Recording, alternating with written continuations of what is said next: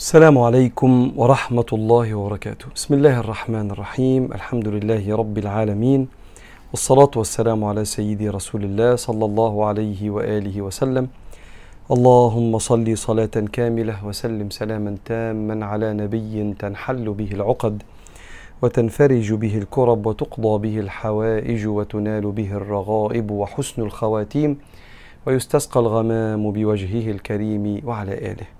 بسم الله مكملين مع حضراتكم لايف يوم السبت وخاطرة يوم السبت والرد على أسئلة حضراتكم. كل مرة بنتقابل بناخد حكمة من حكم سيدنا تاج الدين أحمد بن عطاء الله ثم بعد كده آه، بنرد على الأسئلة. يمكن النهاردة يبقى فيه تغيير بسيط إن أنا مش هقول حكمة وهبدأ بالرد على الأسئلة على طول.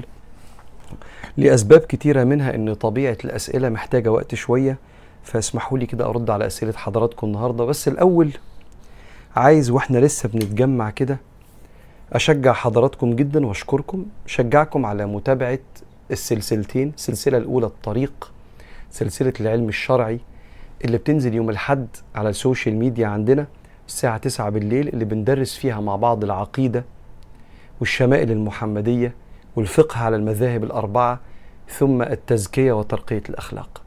سلسلة للي عايز يتعلم دينه سلسلة للي عايز يبدأ يرتقي في المعلومات ويبدأ يقرأ العلوم بس بشكل مبسط شوية عقيدة عن أركان الإيمان الستة. الشمائل المحمدية بتعرفك على النبي. الفقه على المذاهب الأربعة بيعرفك إزاي تعبد ربنا. ثم ترقية وتزكية الأخلاق. الله النبي الإسلام النفس. وبشجع حضراتكم كمان على متابعة نور البرنامج اللي بيجي على قناة اون يوم الجمعة الساعة 7 بالليل. قصة حياة سيدنا رسول الله اللي متقسم لثلاث أجزاء. أول جزء من البرنامج بنحكي قصة حياة النبي من الميلاد إلى الممات فكل مرة بناخد سنة من حياة النبي أو مدة من حياة النبي. ثم الجزء الثاني من البرنامج بنتكلم آه، فيه عن خلق معين من أخلاق سيدنا النبي اسمه عرفوه فأحبوه. وعشان تشوف النبي كان بيمارس الخلق إزاي ده وتبدأ تتخلق بأخلاق النبي ويبدأ تدينك الحقيقي يبان في معاملتك. لما تشوف النبي كان بيمارس الخلق ده إزاي. ثم بعد ذلك آداب نبوية وسنن منسية.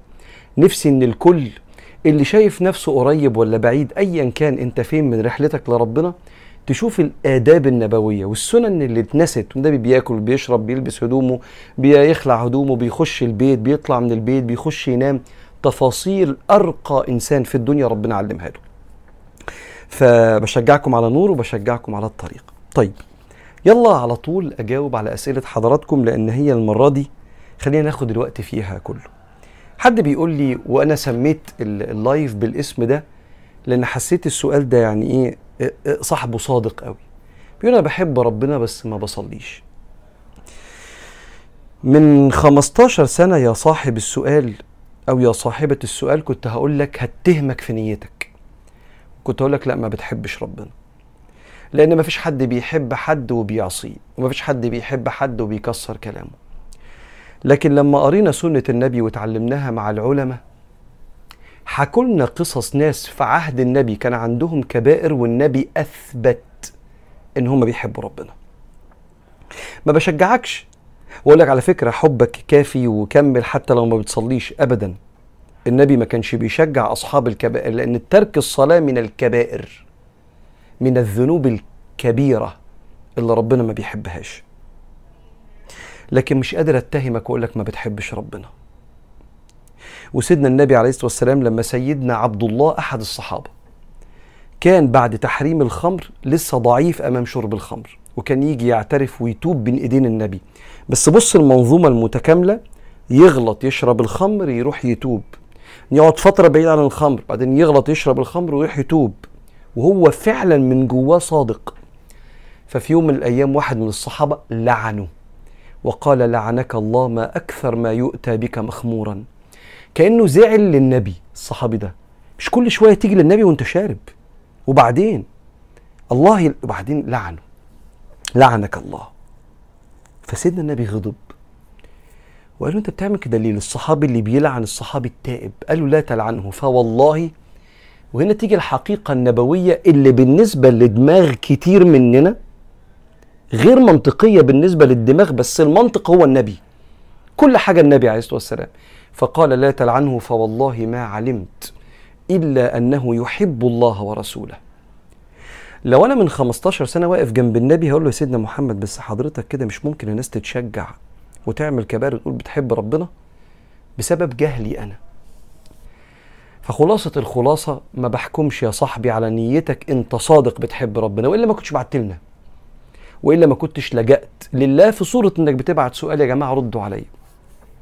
لكن أنا أقول لك على حاجة أنت ما ترضاش بمستوى الحب ده من الناس وأنت واحد من الناس. يعني أنا وأنت بني آدمين زي بعض ما فيش فرق. انت ما ترضاش. أقول لك ان أنا بحبك وابقى بزعلك في أكتر حاجة انت بتحبها. سئل النبي صلى الله عليه وسلم أي العمل أحب إلى الله تعالى؟ قال الصلاة على وقتها. طب انت يرضيك يا صاحبي؟ آه آه تسألني أو أنا أسألك أنت أكتر حاجة بتحبها إيه؟ فتقول لي أكتر حاجة بحبها إنك أنت وأنت بتتكلم معايا ما تشتمنيش وأنت بتتعامل معايا ما ما تسرقنيش. أقوم عامل الموضوع ده انت يرضيك كده؟ وبعدين أدعي إن أنا بحبك.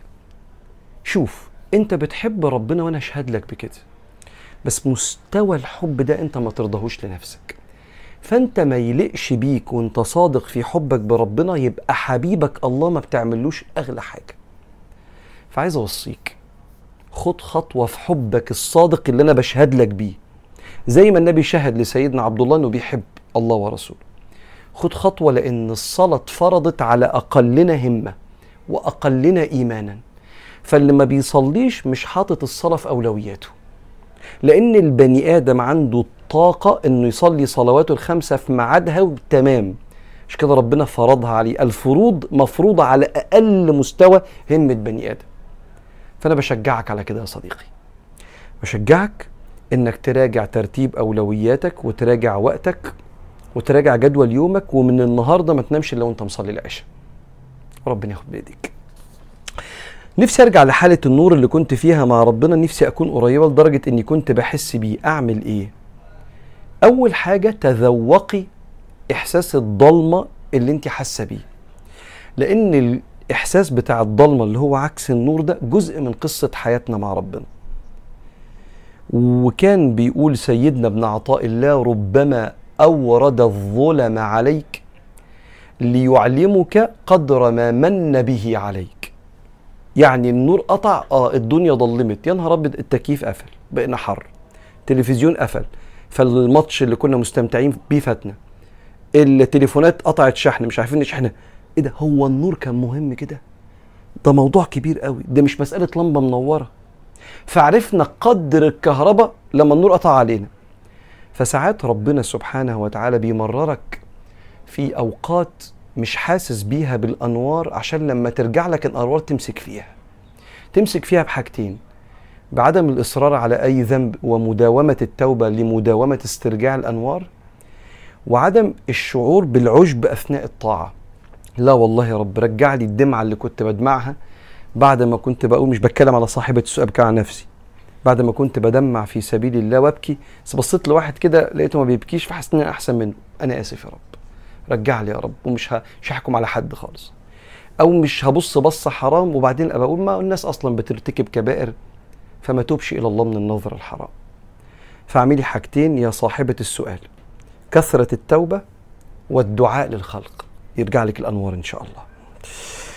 جهاد بتقول لي سؤال في عمق وفي عقيدة. بتقول لي حضرتك بتقول إن عطاء ربنا كله فضل منه كله فضل منه. أنا مش قادر أستوعب الفكرة دي بصراحة.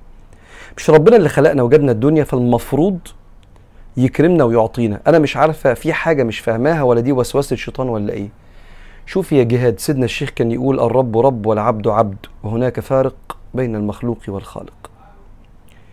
الله جابنا للدنيا يبقى إحنا إن شاء الله من أهل الجنة. مش خلقك موحدة؟ يبقى قطع لك مجازة يعني مجازا آسف يعني مش كلام مش دقيق قطع لك 90% من شوط 90% من طريق الجنة خلقك موحدة فهو أصلا صاحب فضل كبير قوي إن اخترنا نعيش في ملك هو ملك هو صاحبه. الحمد لله رب العالمين يعني أنا ممتن إني عايش في ملك الله الله الرحيم هو صاحب الملك ده. وخلقك كمان موحدة تؤمني بالله ورسوله واليوم الآخر. ده ربنا فضله كبير قوي. طيب أثناء بقى الدنيا اللي هي بتقعد 60 70 سنة اللي هي طرفة عين ممكن يبقى نص عمرك آه، آه، خلص ولا تلت ولا ايا كان وبنقضي تلت عمرنا نايمين ما هو 8 ساعات في اليوم ولا سبعة هم تلت ال 24 فأنت في الآخر تلت عمرك نايم وشوف بتروح الحمام قد إيه وبتقعد تاكل قد إيه فأنت الوقت اللي بتقضيه في الحياة قليل جدا. أهو الوقت ده اللي ربنا خلقنا فيه مسلمين ممكن يبقى فيه شوية آه، ضائقة مالية شوية مرض في بعض الأوقات. والضوائق هي حالات استثنائية للاستقرار والمدد الدائم من ربنا. الضوائق حالات استثنائية مش ده الأصل. وبالتالي أنت بتشعر بالضائقة لانك كنت في الخير قبل كده. فليس فرضا على الله إنه يعمل أي حاجة. أصلا. كل حاجة ربنا بيعملها فضل منه. وده لأن ربنا مش زينا ربنا مش عبد. مش أنت عزمتني؟ آه يبقى أنت أكلني. لا. ده أنا بشكر حضرتك إنك خلقتني. معنى إنك خلقتني إن أنا أصبحت بتعرض لصفاتك. بيجي لي من خير صفاتك. كنت ممكن أبقى عدم ماليش أي قيمة. بس أنا بقيت موجود فأنا بتعرض لكرمك ورحمتك ولطفك. وكمان في الجنة لهم ما يشتهون خالدين فيها. شكرا يا رب. ده إحنا لو قاعدين ليل نهار ساجدين ما بنعملش إلا بنشرب ولا بناكل. سبعين سنة ونخش الجنة سبعين ألف سنة يبقى إحنا كسبانين قوي قوي قوي قوي قوي خد منك 10 جنيه واداك 10 مليار جنيه. ما بالك إن إحنا قاعدين 70 سنة بناكل ونشرب ونتدلع ونتجوز ونحب؟ ونصلي شوية ونحج مرة في حياتنا ونصوم 30 يوم في ال 365 وممكن يبقى عندنا شوية ضوائق. نخش الجنة ما لا نهاية. احسب الحسبة تعرف إنه صاحب الفضل وما فيش فرض عليه. بنتي توفيت وهي عندها 13 سنة ونص في حادث سيارة الله يرحمها. حبيبتي الله يرحمها. أثناء رجوعها من الامتحان. هل تعتبر بنتي من الشهداء؟ وأرجو الدعاء لي بالصبر وإن ربنا يربط على قلبي. ربنا يصبر حضرتك. انت وجوزك الكريم أبوها الكريم. ويعوضكم عوض الصالحين. وينزل السكينة. ويجعل بنتكم سبب في دخول العيلة كلها. بالآباء بالأجداد بالأحفاد بكله وده اللي هيحصل إن شاء الله. لأن سيدنا النبي الحديثين الحديث الأول قال فيه صاحب الهدم شهيد. اللي بيبقى قاعد بيتهدم عليه بيته. طب البيت ده إيه؟ البيت ده حجارة ناشفة. لما بتتهدم على الدماغ أو على الجسم بتكسره. فاللي بيحصل له كده بيبقى صاحب الهدم. فالعلماء في العصور الحديثة قالوا طب واللي بتتهدم عليه عربيته في حادثة أو بتخبطه عربيته زي كأن البيت كده وقع. قالوا ده كمان شهيد لأنه صاحب هدم فبنتك نحسبها عند الله بصدق وعد النبي من الشهداء وقال صلى الله عليه وسلم للشهيد عند الله ست خصال منها يشفع في سبعين من أهله. وأنتوا في الآخر أربعة خمسة في البيت. فهي وعمتها وخالتها وأولاد خالتها وأولاد عمتها وجدها وأخو جدها كل العيلة إن شاء الله آه، متأنججة كده إحنا بنسميه. ماسكين كده في إيد بنتك اللي 13 سنة ونص طابور داخل الجنة يعزها وكرامتها وتمكينها في الآخرة فنحسبها عند الله من الشهداء ومبروك على العيلة إن شاء الله حد شهيد فيكم نحسبها كذلك. أخويا كبير في السن وربنا كرمه من فضله حرفيا في جميع النواحي وبيطلع صدقات كتير وبيساعد ناس محتاجين. رغم كده مش بيصلي غير كل فين وفين. ممكن حضرتك توجه له كلمة لأن ممكن قلة الصلاة تكون فيها قلة بركة في الجواز. من ترك صلاة متعمدا فقد أتى بابا من أبواب الكبائر. ده فرض واحد بس. وترك الصلاة من أكبر الكبائر وهو أول ما يحاسب عليه العبد. ولما ربك ينادي عليك يقول لك أنا حابب أقابلك من أبسط أبسط أبسط مستويات الأدب مع الكبير ما تقولوش مش فاضي. تقول له جاي يا رب واقبلني اقبلني على على قدي. فأنا واقف بصلي بفكر في 30 حاجة غير ربنا ومع ذلك ربنا يقبلك ويديك الأجر. وكان الشيخ يقول واقبلنا على ما كان منا. على قد أعمالنا قبلنا مش على قد قدرك لأن إحنا ما نقدرش نوفيك قدرك وما قدر الله حق قدره. فيا أخويا اللي ربنا وسع عليك وأكرمك. ربنا يتم النعمة عليك عليك ويبقيها في إيديك ببركة دعائك وصلاتك. وأنت ما تستحقش يبقى ربك كريم عليك كده وأنت تعيش في الدنيا مش فاضي تروح تقابله. يا أيها الإنسان ما غرك بربك الكريم؟ هو علشان خلقك فسواك فعدلك؟ مع إنه كان يقدر في أي صورة ما شاء ركبك. كأني بقرأ الآية بالتفسير. ما غرك؟ ليه ليه اتشغلت عن ربنا؟ عشان كريم؟ فاتشغلت بالنعمة عن المنعم. ولا عشان خلقك فسواك فعدلك؟ أنت قوي. فالقوي بيلعب رياضة فمشغول عن ربنا وبينزل بحر مشغول عن ربنا وبيشتغل وبيحضر اجتماعات فمشغول عن ربنا. مع إنه كان يقدر يخلقك في هيئة ما تساعدكش على إنك تعيش حياة طبيعية. أو تعيش حياة يعني تعرف تحقق فيها النعم دي أقصد يعني. والله أعلم. ممكن نصائح للشباب في أوروبا من الفتن؟ اللي عايش في أوروبا هو رايح لسبب إما طلب الرزق وإما العلم. ف put the first thing first ستيفن كوفي بيقول لك كده. عادة من العادات السبع يمكن العادة التانية أو التالتة. خلي دايما أول حاجة هي أول حاجة. يعني إيه؟ راح أتعلم؟ آه اتعلم. اوعى تروح لبلد ممكن يكون أغلب سكانها مش على قيمك أو على دينك هم عايشين بطريقة معينة وحسابهم على الله بطريقة تانية غيرك. أنت عرفت الحقيقة وأمنت بالله ورسوله. اوعى يسرقوك بس مش يسرقوا فلوسك. يمكن يعلموك ويرجعوك متقدم. سواء يسرقوا قلبك ويسرقوا دينك. وهم سؤالهم غير سؤالك وحسابهم غير حسابك. روح واستفيد وخد الخيرات اللي هناك وانت في أعلى درجات الأخلاق اديهم خيراتك انت كمان. بس اوعى يسرقوك. هنعمل إيه؟ هنعمل هنعيش حياة البني آدم اللي حياته ليها قيمة. فهتدرس وتلعب رياضه وتصلي ولو قدرت تشتغل فيومك يتزحم. عشان لو انت قاعد فاضي الفضا هناك وحش. والله في أي حتة الفضا وحش بس الفضا هناك وحش. وخدوا بالكم يا أولادي اللي بتذاكروا أو بتشتغلوا في أوروبا من ال fake confidence الثقة الزائفة. أنا هسهر في club في خمر ورقص ومش هشرب. كان غيرك هشرب النهارده أنت مش هتشرب. بكرة هتضعف والمعصية ترخص في عينيك من كنت من كتر ما أنت شايفها. فخد بالك يا صاحبي. وأنا بتفرج على سلسلة الطريق حضرتك كنت بتشرح إن موقف للسيدة سيدنا النبي مع ستنا عائشة قال لها هاتي الجلابية بتاعتي. قالت له أنا حائض. قال لها إن حيضتك ليست في يدك. طب ليه بقى الحائض ما ينفعش تمس المصحف؟ شوف يا نورهان الأول إيه الحكاية؟ الحكاية إن قبل الإسلام كان العرب واخدينها من أهل الكتاب لما الست بتحيض كانوا بيعتبروا إن هي نجسة نجاسة حسية. فلو مسكت حاجة تنجسها لأنها في وقت الحيض. جهل شديد. جه النبي قال لا هي بس وهي في وقت الحيض مش بتصوم ومش بتصلي ومش بتقرأ القرآن. بتقرأ من حفظها بس لا تمس المصحف على قول جمهور العلماء. في تفسير إنه لقرآن كريم في كتاب مكنون لا يمسه إلا المطهرون. لكن هي مش نجسة ما فيش حاجة اسمها المسلم نجس. المسلم لا ينجس المؤمن لا ينجس. ممكن نسميه جنب. أو الحاجات اللي بتخرج من جسمنا فضلاتنا أو دم الحيض ده نجس. لكن الإنسان نفسه مش نجس. فبيقول لها هاتي الجلابية يا عائشة. قالت له أمسكها إزاي وأنا حائض؟ قال لها سبحان الله أنت الحيض مش مش نازل من إيديكي إن حيضتك ليست في يدك. فأنت بتمسكي بإيد طاهرة حتى لو في فترة الحيض. أيوه طب ما نمسك المصحف. في نص.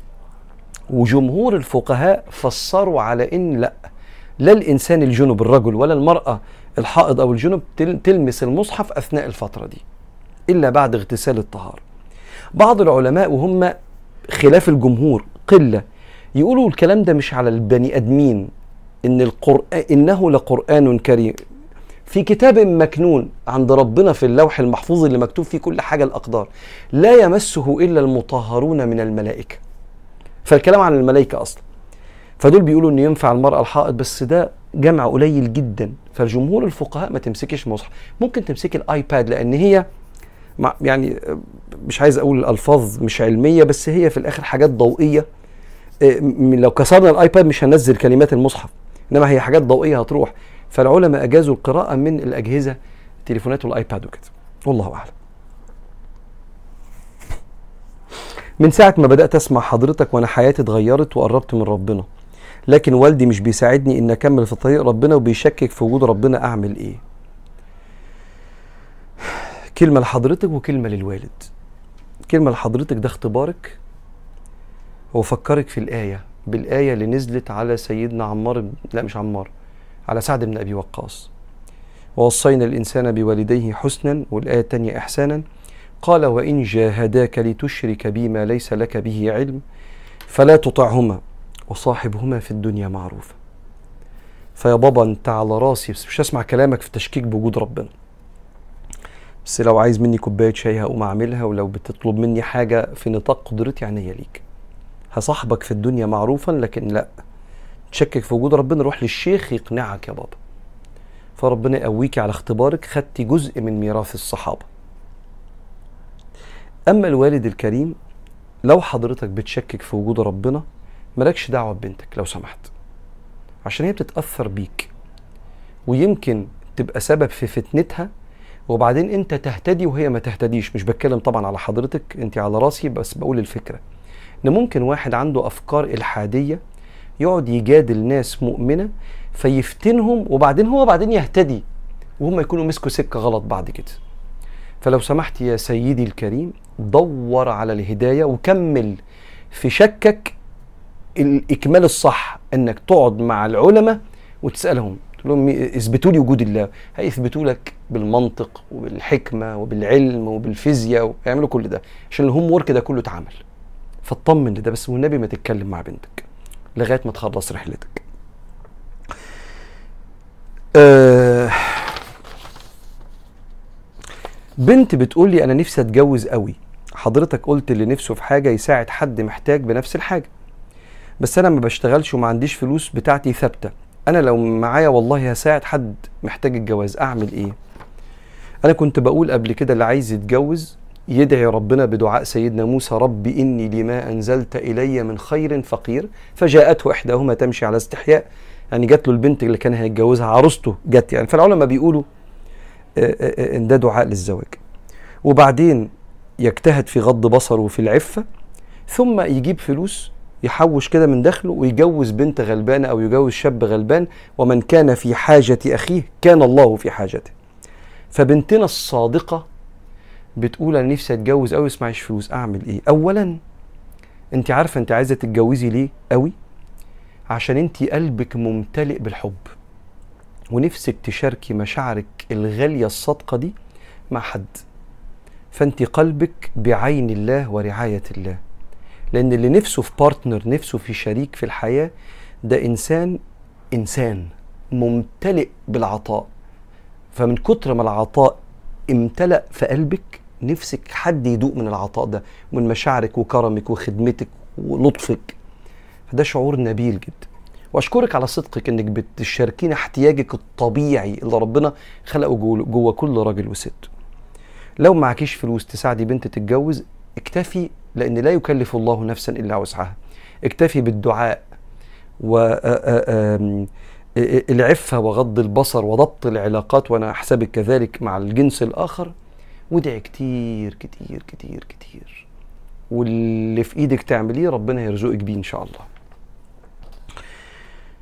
آه مش راضي عن أي حاجة في حياتي. هل معناه إن ربنا مش راضي عني؟ لأن سيدنا موسى قال لربنا ما علامة رضاك قال له, قال له حين ترضى أنت عندي.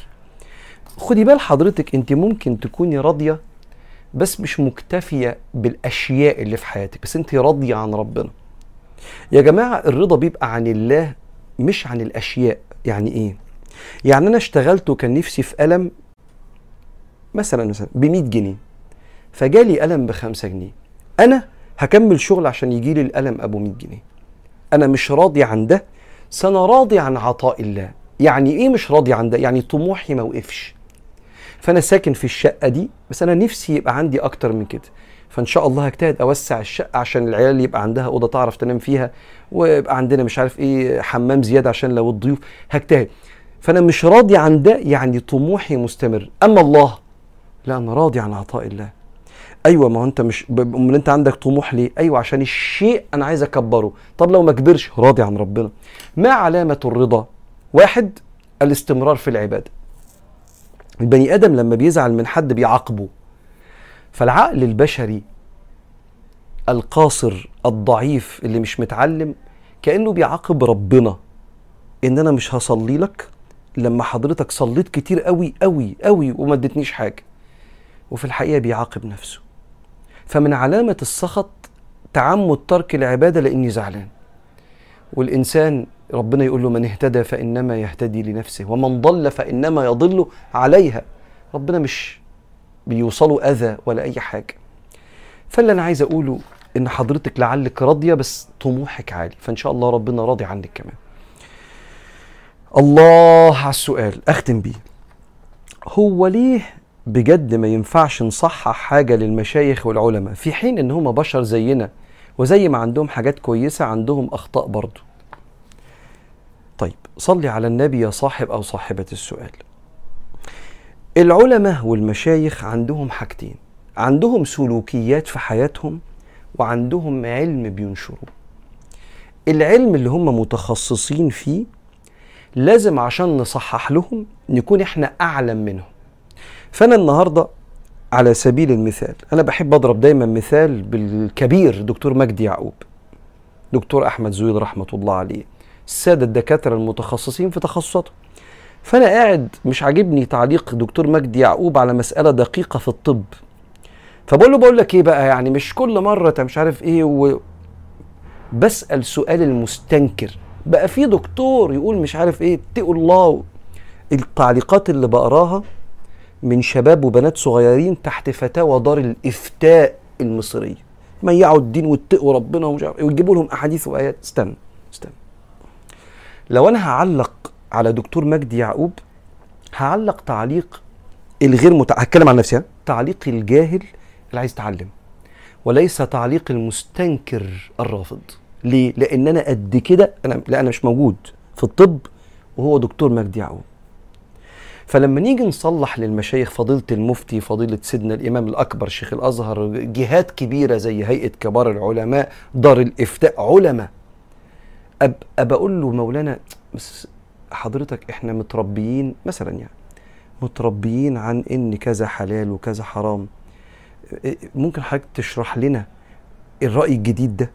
لأن في ناس مننا متربيين على حتة قد كده في الدين واتحجب عنه باقي الدين وافتكر إن ده الحق. ففاكر إن ده فرض قولا واحدا اجماعا. وده مش عارف مش فرض قولا واحدا اجماعا. استنى بس. أنت معلوماتك في الدين قد كده؟ وده سيدنا الشيخ. الإمام اللي بقى له 40 سنة بيدرس بيدرس مش بيطلب بيدرس. يعني طلب وبيدرس علم شرعي.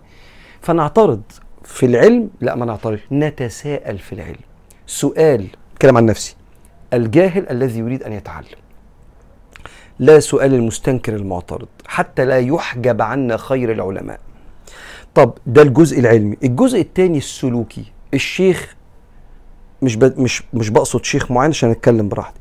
قال كلمة مش مهذبة اغتاب حد. حسيت إن هو ما... ما بيعمل حاجة فيها مصلحة. حسيت إنه بيتاجر بالدين. أي أي حاجة من الخناقات اللي بشوفها على ال social media. ابعت النصيحة اللي تليق بيك. يا مؤمن يا مسلم. مش بس تليق بالشيخ تليق بيك أنت. مش ربك قال لك ادعو إلى سبيل ربك بالحكمة والموعظة الحسنة وجادلهم بالتي هي أحسن.